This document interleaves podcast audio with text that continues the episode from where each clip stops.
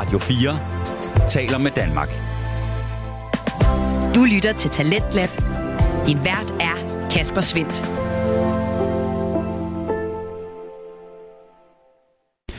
Og her blev det tid til øh, time 2 af aftenens Tendens Lab, programmet på Radio 4, der præsenterer og udvikler danske fritidspodcast. Sådan en er vi godt i gang med lige nu. Den hedder Min mor er en heks, og øh, består af Michael Nielsen Søberg og Helle Nielsen, som altså er søn og mor. De præsenterer her en øh, spirituel og familiepodcast, som øh, undersøger og forklarer den alternative tilgang til verdenen og øh, giver et indblik ind i en ret så spændende familiekonstruktion. I aften der får du blandt andet Helles svar på spørgsmål fra den spirituelle brevkasse, og det er også den, vi vender tilbage til her, hvor Helle lige sætter ord på, hvorfor hun egentlig vælger at dele ud af hendes verdenssyn her i podcasten. Jeg ser det sådan som, at dem, der lukker op, jeg kære lytter, der lukker op og gerne vil være en del af den her podcast, det er fordi, enten har I selv oplevelser i jeres verden, der gør, at I kan relatere til noget af det, jeg siger, og at I er nysgerrige på, hvad alt det her det reelt er at gøre, og hvordan kan jeg forstå endnu mere af det, der sker rundt om mig, og få en større udvidet verden ud af det. Det er jo det, jeg synes, jeg har. Jeg synes jo, jeg har en udvidet verden. En udvidet verdens forståelse, men men det er jo bare mig, der synes det. Andre, der lever deres liv, synes jo, de har en udvidet verdensforståelse. Og det er jo skønt, at det er sådan. Men jeg, jeg, jeg lukker mest op for alt det her, når det er, at andre inviterer ind til det. Altså, jeg kan godt hjemme i klinikken også stille et foredrag eller en workshop op, der handler om et eller andet. Men de, som øh, er modtagere af det, de har jo selv valgt at komme. Og så er det, jeg lukker op. Mm. Øhm, jeg lukker... Jeg forsøger ikke at lukke ballet op, når jeg er sammen med familie og venner, medmindre de selv åbner på slusen. Altså, jeg har det jo på præcis samme måde. Øhm, og det er jo egentlig også, hvad skal man sige, årsagen til, at jeg øhm, turer øh, gå ind og lave sådan en podcast der også, fordi det er jo ingen hemmelighed, at det her det er vildt angstprovokerende. Jeg har også tanker omkring, hvordan kommer det her egentlig til at, at, at påvirke min fremtid at sidde og lave sådan en her. Øh, spiritualitet, det at være troende, ikke troende, det kommer vi mere ind på i næste afsnit, men, men for lige at åbne det, den kadence, så, så er det jo ekstremt tabubelagt. Og det er lidt som om, vi må identificere os 100% som vi ved i dag. Øh, seksualitet, køn og så videre. Men det der med at være troende, det der med at tro på, at der er noget højere end en selv, det er stadigvæk for kukuk til, til, den, til den almindelige dansker føles det. Og det, det, det, det, det er en mission, jeg også synes, der er vigtig at få, få, få bragt ind her. Mm. Fordi der er faktisk rigtig, rigtig mange mennesker, der går og, øhm, og synes, det her det er en, en helt en naturlig del af deres hverdag. Yeah. Men de tør ikke tale om yeah. fordi det er så tabubelagt, og folk de, øh, de ser en som fuldstændig skør, yeah. taler om øhm, jeg så, glad. så stiller jeg mig gerne som, øh, som, som skydeskive øh, for, for det. Altså, jeg, jeg, jeg håber, hvis, hvis jeg skal i, i fremtiden tage nogle... Øh, hvis nu siger, jeg skal være leder, hvis jeg skal have nogle ansatte eller et eller andet, ikke? så håber jeg ikke, at, at det vil blive et, et argument imod mig, at øh, ham han også... Øh... Ja, men hvad, så vil det nok ikke være ansat ved dig i, i forvejen. Nej. Så, så det, det giver nok lidt til selv. Men jeg tror, de fleste, altså, jeg tror, de fleste har en eller anden form for kontakt til skytsånder, guider, vejledere, engle, whatever vi kan kalde det. Øhm, de fleste, de går bare med det som en, det tænker jeg ikke så meget over, det er bare, jeg har bare min engle med, sig, med mig, eller de bærer et kors på sig i en halskæde, ind under, ind under blusen eller skjorten, så vi ikke kan se det. Mm. Men der bærer de deres, på en eller anden måde, tro, eller hvad vi kan kalde det, deres beskyttelse, hvis det er derfor, de bærer korset. Eller nogen går altid med en, en øh, krystal i lommen, fordi det er deres måde at kontakt til den verden, der er på. Altså, at de går med de går med krystallen i lommen, fordi de mener, at den har en eller anden form for helende energi i sig. Men i sidste ende, så går de jo med krystallen, fordi at de tror på, at alt det her, det er levende. Og, og jeg, altså min, men min bevidste, min bevidste kontakt med min guide og vejleder, den kom helt klart, da, da du kom ind i mit liv. Altså som foster, da jeg blev gravid med dig. Og kunne mærke, at øh, nu blev jeg en større, nu blev jeg en større del af noget, der var større end bare mig. Altså, jeg havde ansvaret for et nyt liv. Mm. Det, det tog jeg meget alvorligt. Altså, øh, virkelig, virkelig alvorligt. Mm. Og, og for at jeg kunne tage det alvorligt, så var det ikke nok at snakke med mine egne folk om, hvordan jeg skulle gøre det her. Så var jeg nødt til også at have en kontakt med dine. Fordi øh, det var jo dig, det her handlede om. Det her, det handlede ikke om mig. Det her handlede om at få dig bedst muligt igennem øh, din øh, herkomst til livet. Jamen, det synes jeg, du har klaret fint. Jeg er i hvert fald øh, glad og, og godt tilpas. Øh, øh, en af de øh, karaktertræk, øh, størstedelen af, af folk beskriver mig som øh, den dag i dag, det er nysgerrig. Øh, så, så helt galt er det da ikke gået Nej. at, øh, at implementere den del i mig. Øh, det er jo også øh, en af årsagen til, at jeg øh, har vel så mange ting. Jeg havde jo en, en periode, der, hvor jeg synes, at alting, der virkede for nemt, det skulle jeg simpelthen lære. Øhm, øh, jeg kom som musiker, havde spillet musik hele mit liv, øh, så DJ's, tænkte, ah, okay, altså jeg sidder og spiller på et rigtigt trommes, jeg sidder og spiller på et rigtigt klaver, de trykker knapper. Det er ikke særlig svært. Det er mega svært. Altså, det er en helt anden kunst. Det er en helt anden øh, ta- tænkemåde. Altså, det er, det er en helt anden tankegang, hedder det, at, øh, at tænke musik ind i. Her med at mixe, det her med, der er sindssygt meget musikteori i det også. At kunne forstå en tonart, og kunne matche en BPM, og kunne matche øh, generelt, øh, altså øh, flowet, også energien i sangen. Altså, det du er sgu ikke noget, du går fra Kinky Fætter med Suspekt, og så ned til, øh, hvorfor går Louise i bal? Så taber du hele publikummet, ikke? Så der er simpelthen så meget situationsfornemmelse og forståelse for at kunne læse et rum, og, og, og ja, det, det, Der kommer intuitionen meget i spil. ja, det gør den, og Og det med at være tro også mod musikken og det publikum, du er ved sikkert. ja, lige præcis, Eller og også være tro over på sig selv. Ikke bare være en jukebox, der spiller det, folk vil have, men også åbne nogle grænser og udvide nogle, nogle horisonter i forhold til musik. Hvad kan musik egentlig, ikke? Jeg kan huske øh, øh, nogle bryllupper, jeg har spillet til, der, der var øh, øh, der, der er et brudepar, øh, som øh, gerne vil have Stamp on the Ground. Kender du den sang? Det tror jeg ikke, Nej, er ikke. du, du, du, du, du, du, du, du, du, du, du, du. Altså, den går virkelig hurtigt. Den er i 150 bpm, og det er sådan en rigtig trampersang, tror jeg, man vil kalde den. Øhm, den ville de gerne have til sidst. Og der var øh, Gommens far, han blev helt vild med den sang. Og de havde booket mig seks måneder efter til, øh, til firmafesten, så de skulle have både Gommens far og øh, Gommen også var med. Og der skulle han jo Stamp on the Ground igen til en fest, ikke? Så det er det der med, at man kan også godt udvide øh, nogle, nogle musikhorisonter en gang imellem øh, ja. som DJ, og det er lige med at finde den der balance for... Øh. Men, men min pointe var bare, at min nysgerrighed, der hvor jeg får den der tid, hvor jeg siger, at der, der er spillet meget rock, og jeg kan huske hiphop, det synes jeg var for nemt. Så blev jeg nødt til at lære at producere hiphop. Og det førte mig til at producere musik, hvilket jo så gør, at jeg kan sidde og øh, fungerer i et musikprogram lige nu, der optager en podcast. Altså, der, der er mange, alle veje fører til Rom på en eller anden måde, ikke? Altså, alle, alle, alle de stier, jeg har taget i mit liv, de, de har ført mig lige præcis hertil, har ført mig lige præcis hertil, hvor jeg sidder ved at starte virksomhed, og blandt andet øh, en virksomhed, jeg, hvor øh, den er jo baseret på indsigter fra, fra de oplevelser, jeg har ude som DJ, og ja, det, øh, det er mega spændende. Det er det godt nok. Jeg, jeg er generelt øh, ekstremt nysgerrig. Og jeg tror også, efter jeg har accepteret, at jeg er sindssygt nysgerrig menneske, så har det øh, åbnet endnu flere døre for mig.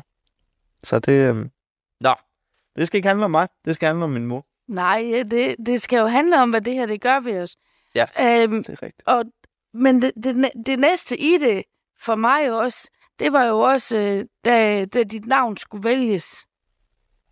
Mm. Du har, jeg har ikke været venomolog, men jeg har smagt meget på navnet. Det var vigtigt, at da jeg gik med dig ind i maven, og, og navnet blev sagt, at jeg kunne mærke, det sådan ligesom var en energi i, altså i, i flow, i, i svingning mellem det, der kom ud af min mund, og så det, der lå nede i min mave. Altså, det skulle ligesom være sådan en helhed, ikke? Mm.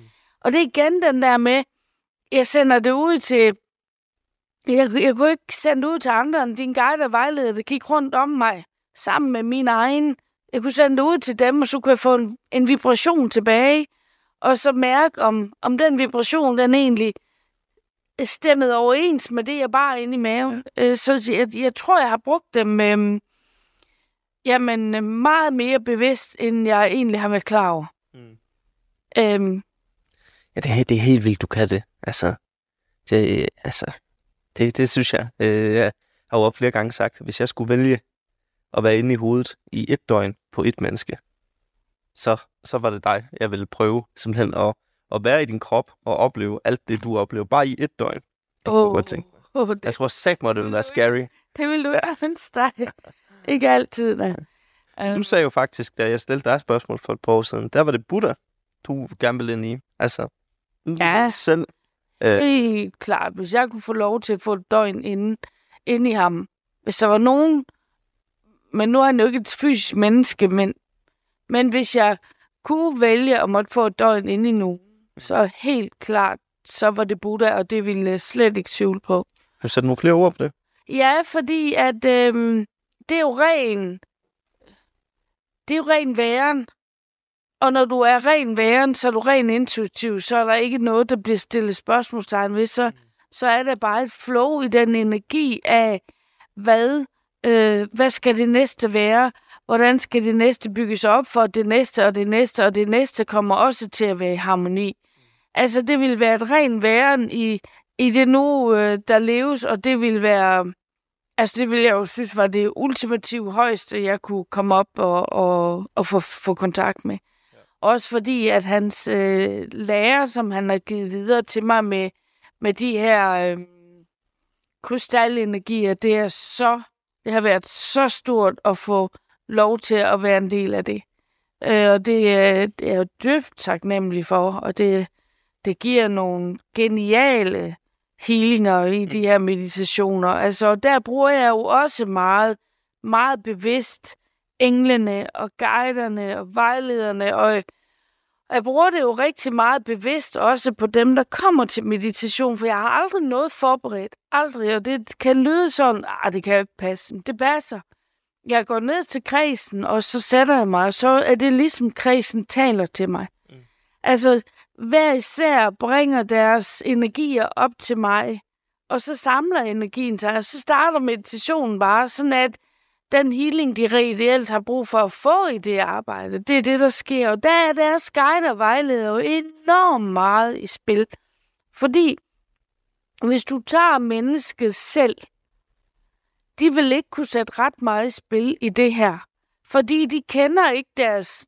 Vores bevidste hjerne forstår ikke, hvad det er, underbevidstheden har brug for at give slip på, for at kan komme videre. Mm. Det er underbevidstheden, der forstår det. Men underbevidstheden sammen med de guider og vejledere, der står ved dem, der kommer hos mig, kan jo sende energien op til mig, som jeg så modtager, og så samler meditation, meditationen sig, og energien bygger sig stille op. Nogle gange har jeg været heldig om formiddagen, at Buddha har vist mig nogle brudstykker af noget, som skal være det grundlæggende for meditation, men jeg ved aldrig mere end det. Jeg kan også bygge et helt øh, uges kursus op nede på Samos, eller nu har vi været på Hennestrand et par år i træk med at holde øh, meditationsferie. Og jeg, jeg ved intet. Altså, jeg har en overskrift, og, og der er nogen, der siger, du kan da ikke, du kan ikke stille noget an i så mange dage for så mange mennesker, uden at have en agenda. Men jo, jo, øh, så forstår du ikke min agenda. Den er bare ikke ude på et papir. Nej, sådan som jeg forstår det, så er det jo heller ikke som sådan dig. Altså, du er jo den fysiske del. Præcis. Der, jeg er kanalen for, at arbejdet kommer til at ske. Så der er jo noget, der er forberedt. Ja, øh. og det, men det er forberedt af, af kursisterne selv. Ja. Ved at de tilmelder sig det her, så i samarbejde med deres underbevidsthed og deres guide og vejleder skytsengene siger, okay, han eller hun skal afsted på det her det her skal vi have fat i. Og så begynder de at legne tingene op, og så begynder energien at bygge sig op til, hvad er det, de skal. Og der er det jo de her guider og vejleder virkelig, virkelig Og skytsenglen har det her store overblik over, hvor er det så, i hvilken retning er det så, vi skal. Og, og, og så er det, tingene bliver enormt smukke. Altså enormt smukke. Men hvis jeg vil kontrollere det, og have sat en vejledning fra start, det er det, jeg vil skal, det er det, jeg vil skal, det er det, jeg vil skal, så lukker jeg jo alt intuitivt arbejde væk. Mm. Fordi så vil jeg ikke kunne gå ud fra min... Altså, så vil jeg ikke kunne vige fra den plan, jeg har lagt hjemmefra. For så falder det hele til jorden. Derfor ligger jeg faktisk ikke nogen plan. Jeg tænker, når jeg tager afsted, og for eksempel da jeg sidste sommer kørte op til Endestrand, og de skulle komme derfra fra mandag til fredag, så tænkte jeg bare, hold da fast. Hvad får jeg fyldt ind i alt det her? Nå ja, det løser sig, tænker jeg så. Og det kører jo bare på skinner, altså. Det, det, det bliver jo bare det, det skal være. Netop fordi, at jeg følger vejledningen og guidningen fra det, der er større end mig selv. At jeg er faktisk bare en mund, der kan blive talt igen. Vi tager lige en jingle, og så tager vi spørgsmål nummer to.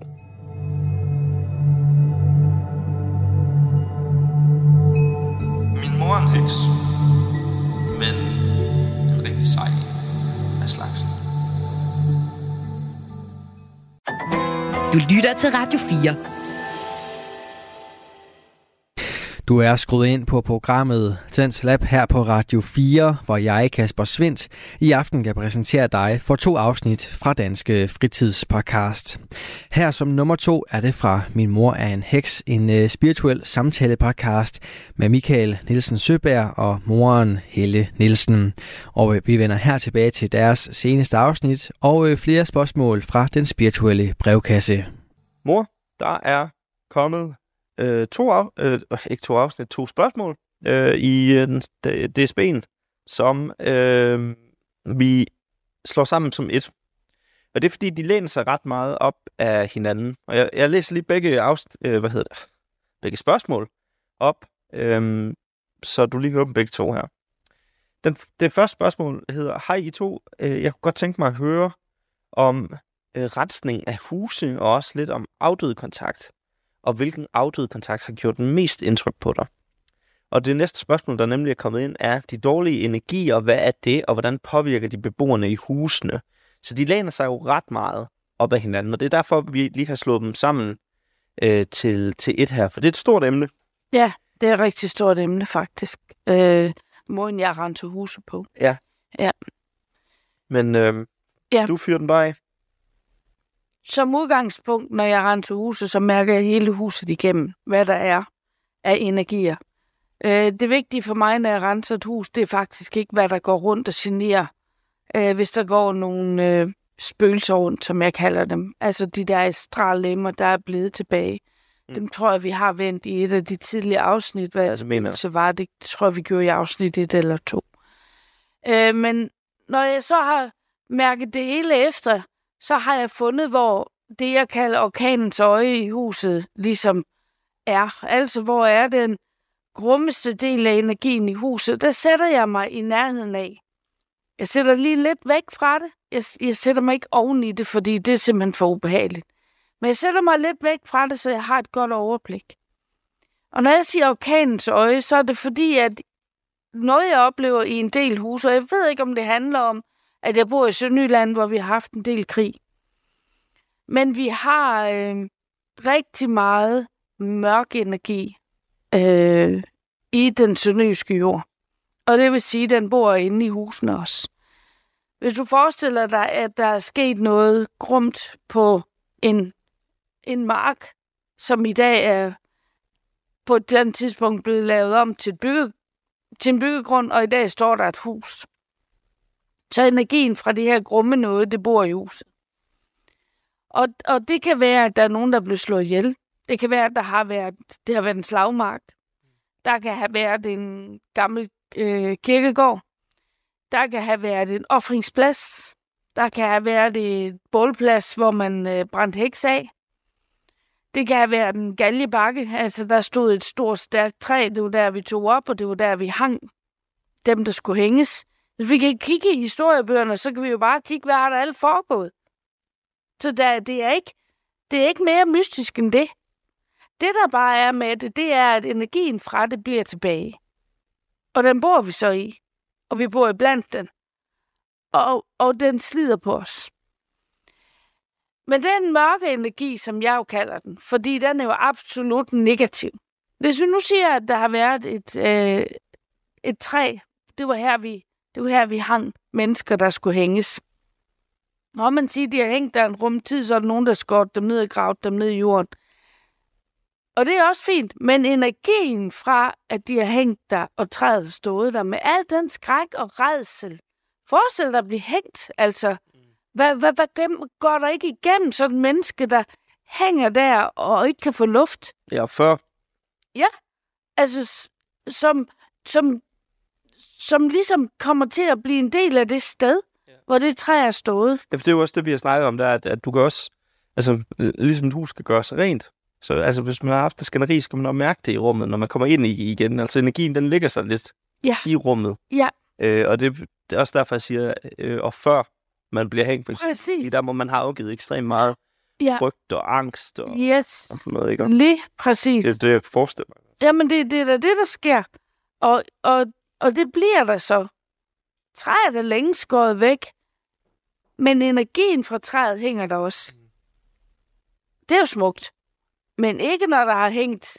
Jeg ved ikke, hvor mange mennesker, der så er blevet hængt i sådan et træ i sin tid, vel? Det kan være mange.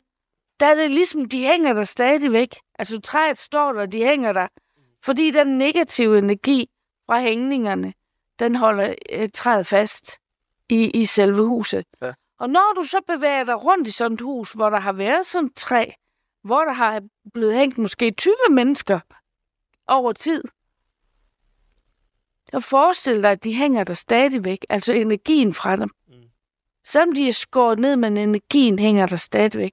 Så går igennem huset, så går du igennem de der øh, mænd, eller hvad skal vi kalde det, kvinder, et eller andet, som er blevet hængt der.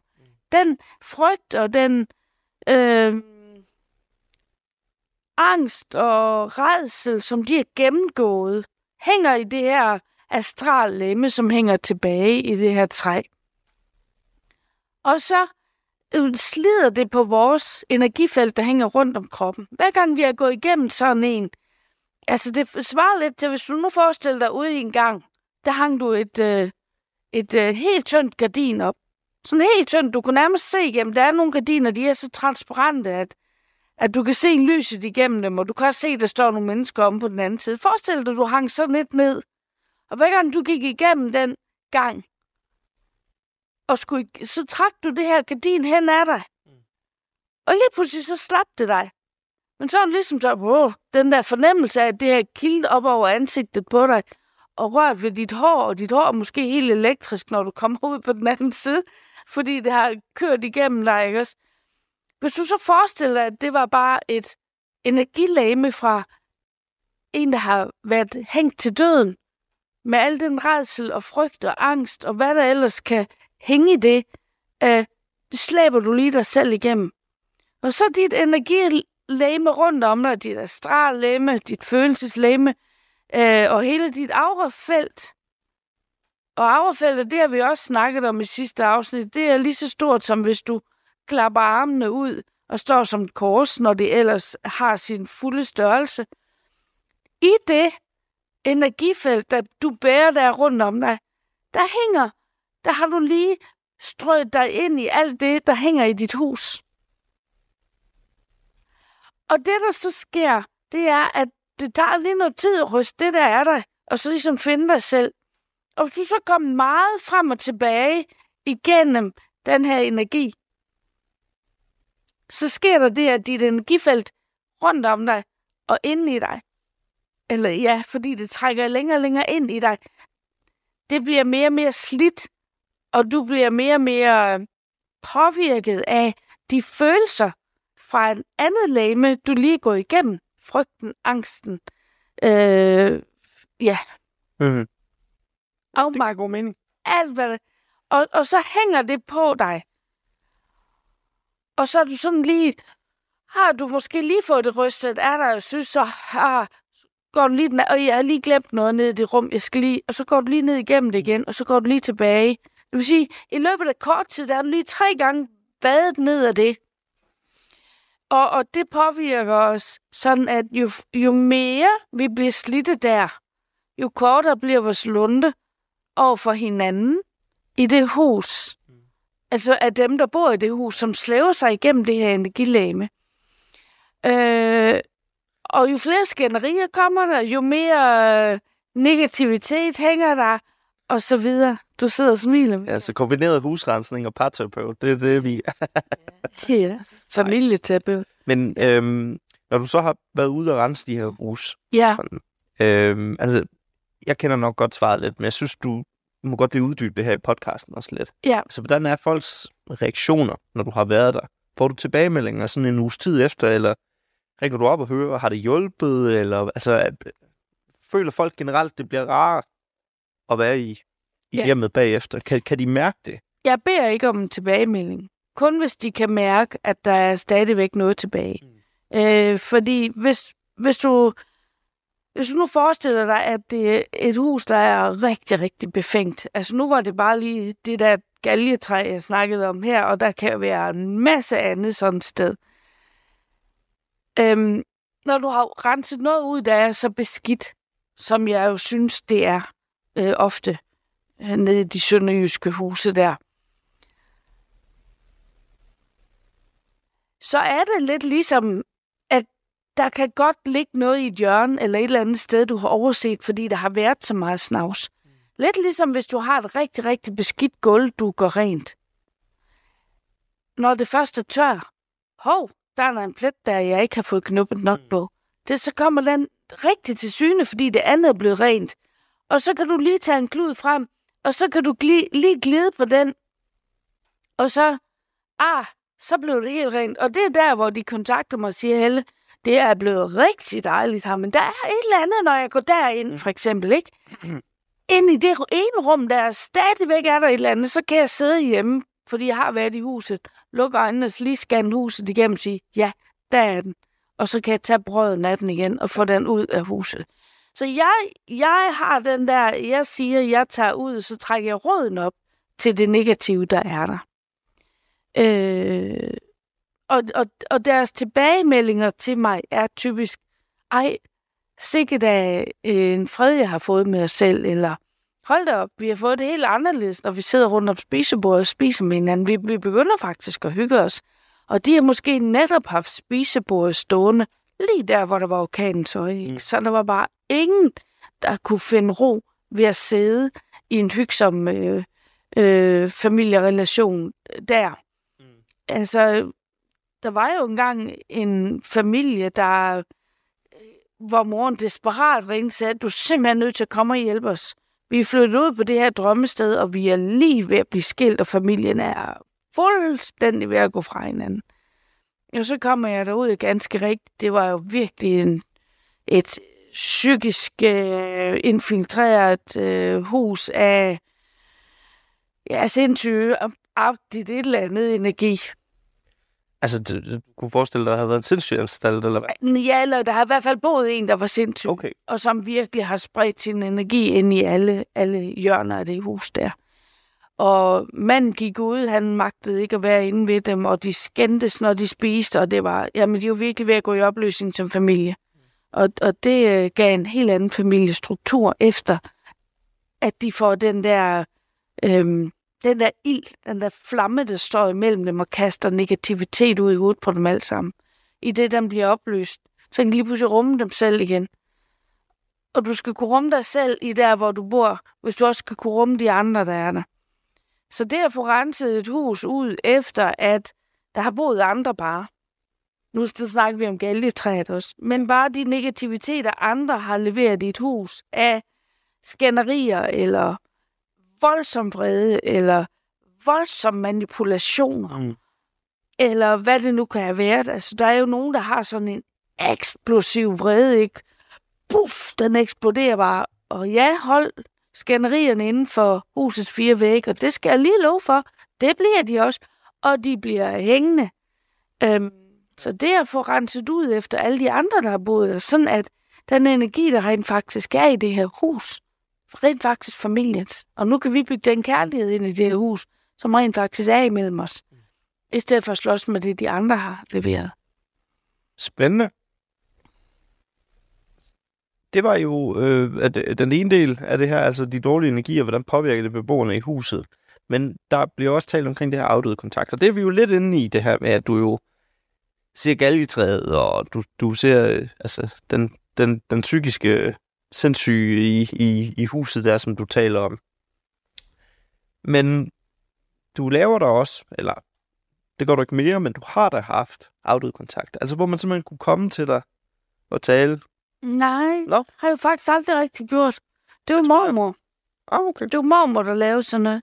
Det har jeg faktisk aldrig rigtig gjort. Øhm, altså, hvis jeg, hvis jeg har en klient, så kan de da dukke op. Men det er ikke noget, jeg bevidst søger. Men afdøde kontakten, den, den dukker nogle gange op, når jeg er ude i husene. At, øh, at, øh, at der dukker nogen op, som... Altså, jeg var ude i et hus en gang, hvor jeg siger, ja, jeg ved ikke, hvis farmor der er, der sidder der henne i sofaen, men henne i hjørnet på den sofa der, der sidder en, der kalder sig farmor. Og hun har ikke ville tage derfra, da hun døde, fordi at hendes barnebarn, han var i en krise, og hun var hans tryghed. Så hun som sjæl nægtede, og det var ikke bare det strallæme, der sad derhen, altså følelseslæmet fra farmor. Det var hele sjælen, der sad derhen i sofaen. Hun havde ikke ville rejse, fordi hun skulle være der for hendes barnebarn. Han var jo en voksen mand. Altså, en grænvoksen mand, der er lidt ældre end mig. Øh, men hun skulle altså støtte ham i det, han havde været igennem. Og nu havde han det jo godt, og derfor træder hun frem, da jeg er der, og ligesom siger, Nu vil jeg gerne stå nu er jeg klar Ja. til at tage fra, fordi nu har han det godt. Mm. Nu er han øh, et rigtig godt sted i sit liv igen. Sødt. Ja, meget, meget sødt. Øhm, Ser du, øh, det, jeg, jeg, hurtigt spørgsmål, ser du øh, de her sjæle, du har, du har fortalt mig på et tidspunkt, at de, øh, de tager form som den fysiske øh, presence, de, de bedst kunne lide sig selv i. Altså, så du ser tit øh, unge mænd, for eksempel, i 18-20 års alderen, siger du og sådan noget. Ja, Øh, men, men, men, hvor, hvor der, altså, hvem Op- gider altså- sig selv frem med hængemave? Og, Ja, ja. Men jeg tænker også sådan lidt sådan, hvis vi nu tager et eksempel som Harry Potter, hvor vi har Hulkende Hul der, og vi har øh, Ravina, øh, Ravenclaw mm. Mm. og, og sådan noget. Er det, er det sådan, du... Altså sådan lidt sådan gennemsigtig? Ja, det er det. Det er, det er, det er sådan noget transparent noget, der det, de kommer frem som. Ja, det er det. Og altså, når jeg er ude og rense husene, jeg, de astrallemmer, jeg skal fjerne der, jeg tager ikke særlig meget kontakt med dem. Jeg finder lige ud af, når jeg er okay, du skal videre. Men jeg kan godt øh, gå dybere ind i dem, og så kan jeg se deres, øh, så kommer hele deres påklædning frem, hvad det er for en kjole, de står i, og, og så kommer detaljerne frem. Men altså, jeg har ikke så meget brug for det. Men nogle gange gør jeg det, fordi dem, der bor i husene, de har brug for, at jeg skal kunne fortælle en, en lidt mere detaljeret historie omkring det. Og så, så tager jeg mere dybere kontakt. Men øhm, jeg, jeg vælger ikke at have fokuset der. Jeg vælger at have fokuset på, at det er de negative energier, der, der er de vigtige. Men jeg, jeg ser dem som de her altså, øh, transparente øh, energier, og, og det er, altså det, det er ikke, jeg, jeg synes faktisk, det er rigtig godt lavet tit, når de laver spøgelser på fjernsyn. Mm. Øh, fordi at de har på en eller anden måde opfattet essensen af, hvordan de egentlig kommer frem. Øh, synes jeg. Ja. At det er det her transparente noget. Jeg, altså jeg ved godt, at de gør det også øh, i, i øhm, altså på film og sådan noget, for at vi skal have opfattelsen af, hvor der er det, der er et spøgelse, ikke Ja, ja. Men, men, det, men det er sådan, det er. Og det er jo fordi, at energien er transparent. Så de, de fremstår ikke som noget, de ikke er. Den eneste måde, du og jeg ikke er transparente, det er, fordi vi har den her kødfyldte krop, som vores energi har proppet sig ned i. Ja. Øh, det er den eneste grund til, at vi to vi ikke sidder her og er transparente for hinanden. Det er det, er, det, er det fysiske, øh, som vi sidder med.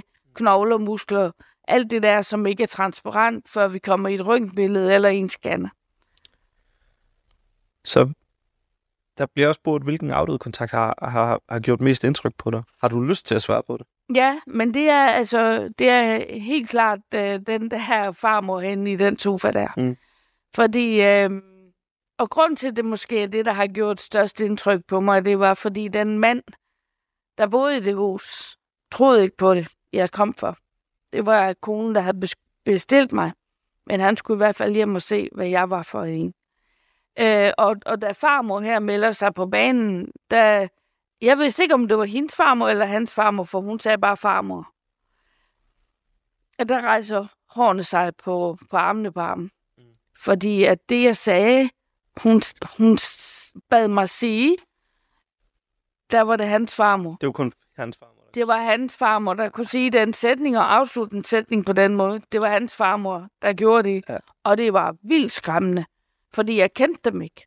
Jeg kendte ikke den her familie, jeg var ude ved, så jeg kunne ikke have nogen kendskab til nogen af dem. Og det var det, han vidste. Og det gør, at og det, der har gjort det store indtryk på mig i det her, det gør, at han er blevet helt omvendt. Han tror jo på alt det her i dag. Og jeg har renset hus for ham flere gange. Og hans virksomhed. Spændende. Ja, så det har gjort stort indtryk på mig. Det har det. Helt klart. Radio 4 taler med Danmark. Vi er i gang med aftenens andet podcast afsnit her i Tens Lab. Det er programmet på Radio 4, der giver dig mulighed for at høre nogle af Danmarks bedste fritidspodcast. Mit navn er Kasper Svendt, og i denne time der har jeg fornøjelsen af at give dig en episode fra Min mor er en heks, en øh, spirituel samtale-podcast med Michael Nielsen Søberg og hans mor Helle Nielsen. Det er deres samtale, du får den øh, sidste bid af lige her.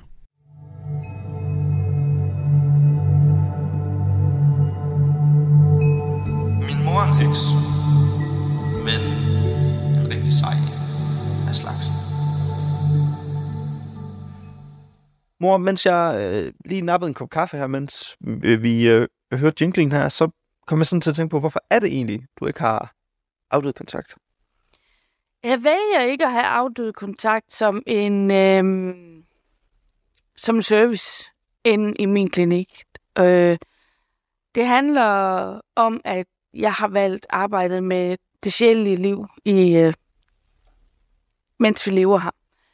Men jeg har dyb respekt for afdød kontakt, og jeg sender øh, klienterne videre til andre, der, har, altså, der kan hjælpe dem med afdød kontakt, fordi det giver en fin øh, afrunding og en lukning på øh, samlivet med, øh, med, et, med en anden.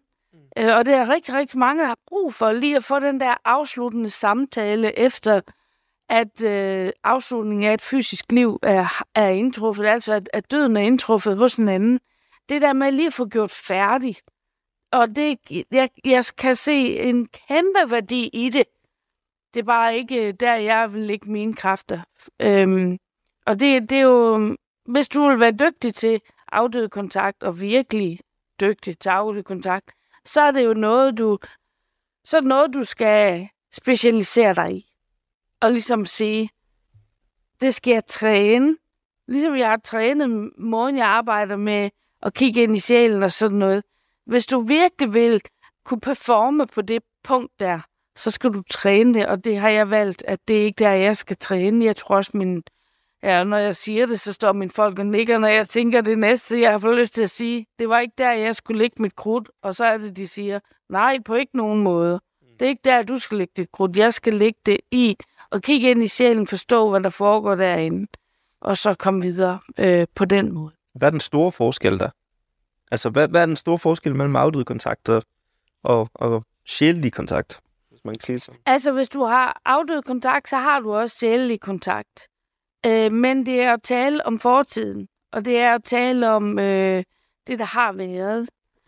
Mm. Øh, og det giver også en fin closure for den sjæl, der er oppe i universet nogle gange. De kan få lov til at få noget sagt, og de kan få lov til at sagt, ved hvad, når jeg nu er heroppe, så kan jeg faktisk godt se, men øh, jeg gjorde faktisk mit bedste. Og så få den der dialog. Og jeg kan godt se, det er en dyb værdi, men for mig øh, er det bare det levende menneskes udvikling af sjælen, som, øh, som jeg brænder for, og som mine folk skubber på med, at det er der, jeg skal lægge mine kræfter. Ja. Jeg synes jo også, det var sjovt at tage ud og hele heste sammen med Ejner dengang. Mm. Men lige så snart jeg satte hænderne på, så blev det bare lukket af. For jeg skulle ikke hele dyrene. Altså, glem det hele. Jeg kunne få lov til at få energi igennem mine hænder to eller fire minutter, så sagde det bare, puff. Så var der ikke mere power der. Fordi, ved du hvad, du skal ikke bruge din krudt på heste. Der er masser af andre, der gerne vil, og lade dem specialisere sig i det. Vi har en opgave til dig, og den hedder sjælelig udvikling. Mm. Sådan at det ubevidste, der ligger i mennesker, det skal op og blive en bevidsthed. Ja. Ikke? Det skal blive en bevidsthed, hvad der gemmer sig i min underbevidsthed. Jo mere det bliver en bevidsthed, jo dygtigere bliver jeg faktisk til at blive menneske. Fordi at jeg lever ikke kun ud fra en mavefornemmelse og sådan noget, men jeg lever faktisk ud fra, at det, der er i min mavefornemmelse, det er faktisk også i min bevidsthed. Og jo mere vi kan få de to ting til at smelte sammen, øh, jo, jo mere udvider din sjæl sin forståelse af, øh, af det at leve, det at leve kærligheden, det at leve forståelsen til sig selv, det at leve, det at være et, et væsen, der er en del af en, af en større enhed. I det daglige, ikke? Det er der, vi skal have livet ind. I det daglige.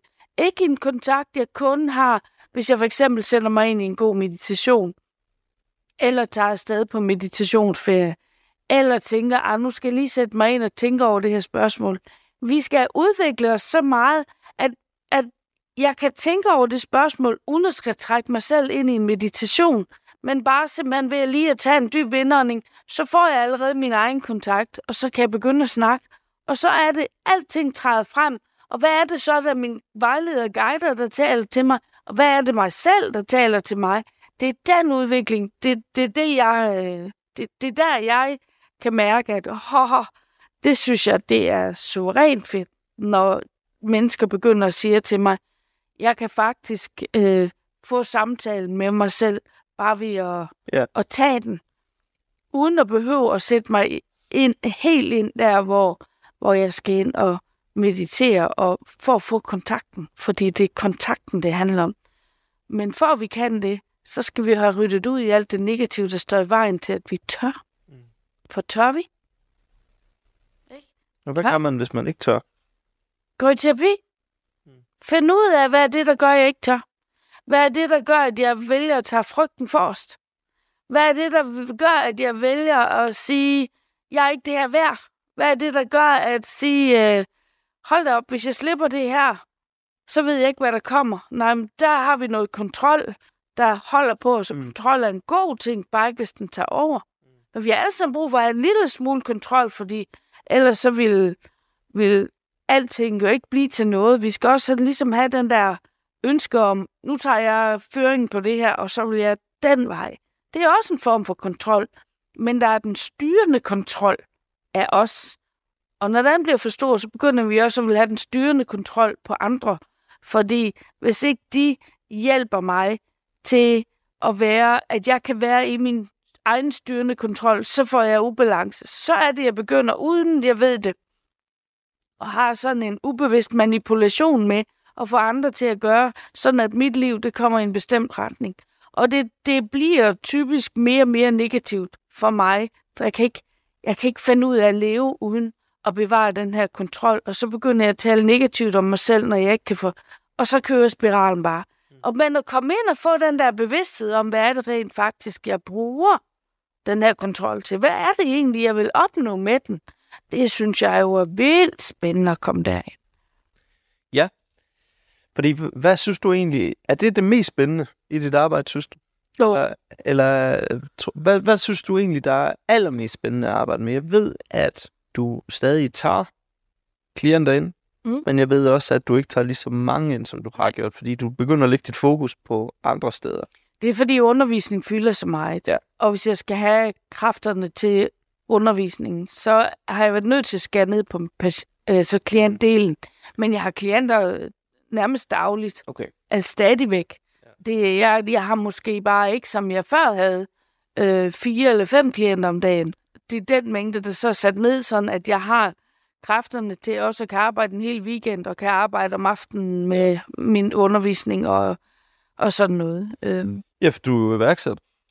Det er jo... Øhm, øh, det er jo, det er jo du er min, min største inspirationskilde inden for iværksætteri. Øh, der var nok mange, der vil sige, hvorfor kigger du ikke på Book og Stadil og Tommy Ahlers og, og så videre, men, men du er mit absolut største idol inden for, for iværksætteri. Fordi du har lært mig, at hvis der er noget, man virkelig gerne vil, så kan det lykkes. Det handler bare om, hvor meget man vil kæmpe for det. For hold da op, hvor har du været mange opture og nedture igennem på den rejse. Øh, det har ikke altid været økonomisk sjovt, ved jeg, og Nej, det det har, øh, og det er jo også det der med, du har jo, du har jo valgt at placere dig, som vi har talt om tidligere, i den absolut sværeste målgruppe, du kunne vælge. Sønderjylland. Havde du boet i København, eller havde du boet i Aarhus eller et eller andet, det havde været noget nemmere at skaffe kunder jo i butikken. Ja, der er et større segment at tage. Ja. Ja. Så det, det har jeg simpelthen så meget respekt for, at du, øh, du altid har kæmpet for, øh, for din sandhed. Altså, jeg føler jo også, at jeg har været iværksætter mange gange, fordi at det, jeg laver, det har udviklet sig i så mange retninger. Øh, fra start som massør og arbejde i en massage øh, Ja. klinik op, at det lyder næsten helt forkert. Jo, nej, nej, jeg forstår godt, hvad du mener. Og så, så ændrer jeg igen, hvor jeg skal til at, at tiltrække et nyt segment, og så har jeg ændret igen, hvor jeg skal til at... Jeg tror, jeg har prøvet at gøre det her en 5-6 gange, hvor jeg har skulle til at begynde at tiltrække et nyt segment. Øh, podcast. og nu laver jeg også podcast, ja, lige præcis. Øh, men altså, Michael til efterår, så har jeg jo været i det her game i 25 år, hvor jeg ikke har lavet andet. Jeg har levet øh, af det, jeg kunne indtjene i klinikken i 25 år. Det skal vi fejre.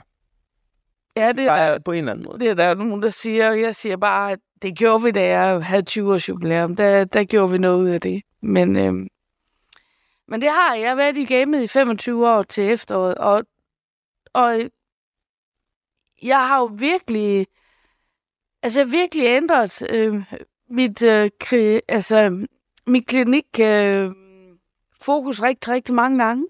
Og, og det gør også, at der, ui, så kommer der lige en øh, indtægtsnedgang, når du vælger nogle klienter fra, og der skal nye til at finde ind. Øhm, men det har bare været sådan, det var. Ja. Altså, jeg har ikke ønsket det på, på nogen øh, anden vis, end at det var bare sådan, det skulle være. Okay. Øhm, og det har virkelig også været sundt at prøve den der øhm, at have mindre midler at gøre med i en periode. Altså, det var noget, hvor jeg nogle gange siger, jeg, jo simpelthen noget, alle skulle tvinges ud i. Og prøve at leve på en sten bare en kortere periode. Ja. Jeg gjorde det så i en del år, fordi jeg bare ville det her, og jeg kunne ikke øh, finde ud af at, at sige, det skulle jeg ikke. Så det, jeg gjorde det jo endda i nogle år. Men det gav bare en anden rigdom. Altså, der var plads til at finde en anden rigdom ind, indeni. Fordi når du så endelig var midler til at gøre nogle af de der ting, hold da op, hvor blev det en gave. Mm. I stedet for bare at sige, jamen hvis jeg har lyst til at gøre et eller andet, så gør jeg det bare. Men den der rigdom, der lige pludselig voksede frem af, at det havde jeg ikke haft råd til, lige pludselig havde jeg råd til det. Nej, hvor følte jeg mig rig. Altså, bare ved, at jeg kunne gå ud og sige, jeg behøver ikke at kigge på pengene, hvis jeg skal gå ind i en skobutik. Jeg kunne faktisk vælge de sko, jeg havde lyst til. Mm. Måske bare en enkelt gang. Øj, det glæder mig til. Men men det, det er enormt sundt at, at kan se det som, hold da op, det er også en gave. At jeg kan ikke bare vælge det, jeg har lyst til. Men det, jeg havde, det var jo nok. Nej. Jo. Det var nok. Det behøver ikke at være mere. Der har i hvert fald været ubetinget kærlighed i dit hjem altid. Både til mig og David. Det har vi aldrig været i tvivl om. Ja, den dør aldrig, tror jeg ikke. Eller det gør den ikke. Eller det ved jeg, at den ikke gør. Sådan, skal det. Sådan, sådan er det formuleringen rigtig. Den dør aldrig. Jeg tror, øh, det måske også er et rigtig fint sted at afslutte. Lige så stille. Øh, det har handlet meget om øh, DSB, den spirituelle brevkasse i dag. Men det er også okay, fordi øh, det har været nogle rigtig fine spørgsmål, og, og nogle dybe spørgsmål, som, øh, som jo tager os, tager os ned ad mange forskellige grene. For, øh, for det er jo, det er jo, altså vi kunne have, have lavet et afsnit på tre timer bare om husrensning. Så øh, Men skriv, kære lyttere, ja, jeres spørgsmål, fordi vi vil så gerne, at den her podcast, ja, det er os, der sidder og laver den, men det er jeres. Vi vil så gerne, at det er jeres podcast. Altså, at I føler, at, at I er med i den, og at, at det er det, som I gerne vil. Det er faktisk det, vi tager op. Så skriv, skriv spørgsmålene til os. Og I må også gerne lægge dem ind i en privat indbakke ja. til enten Michael eller jeg. Hvis du tænker, ej, det her, jeg kan ikke få mig selv til at skrive det her ud, så de andre kan læse det, så skriv. Ja. Øh, det er faktisk der, vi får de fleste spørgsmål. Og det er helt anonymt. Ja. Vi, vi nævner altså ikke navnet. Så skriv endelig til os. Og apropos det her med, at, at det, det er jo en podcast til, øhm, til alle andre end os, på en eller anden måde jo. Ja. Øhm, så vil vi faktisk gerne øh, tease en lille øh, idé, vi har fået. Øh, vi har talt om det før, men vi begynder nu at realisere den.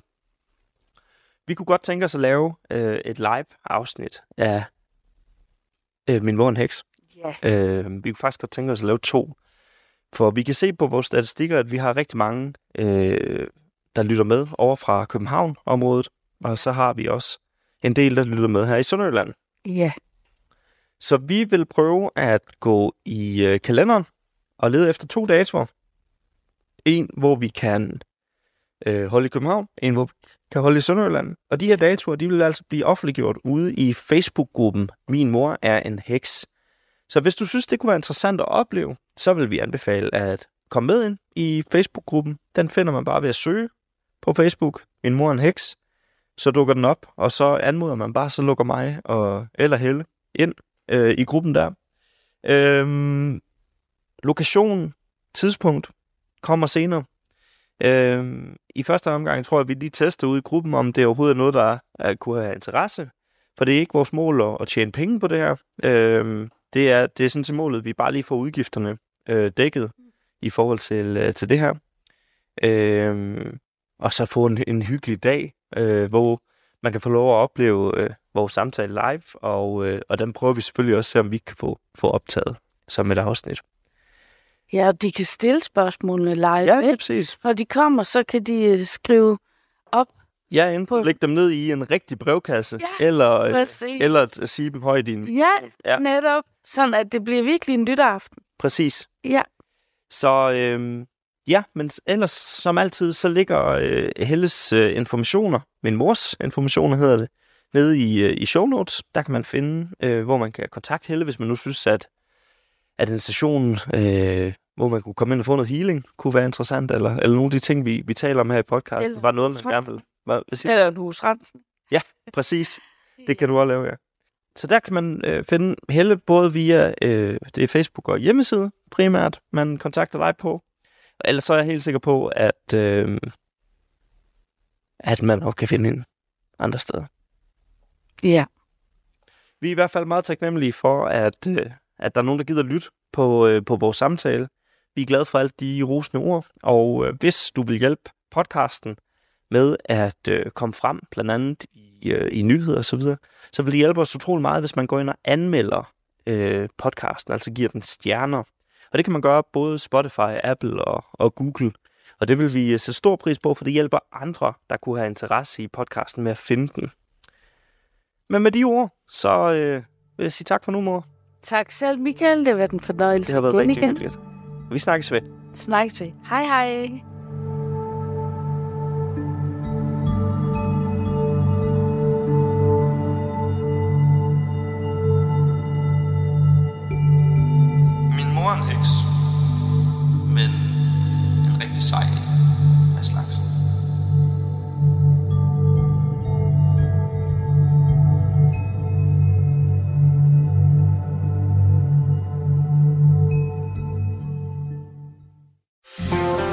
Lytter til Talentlab på Radio 4.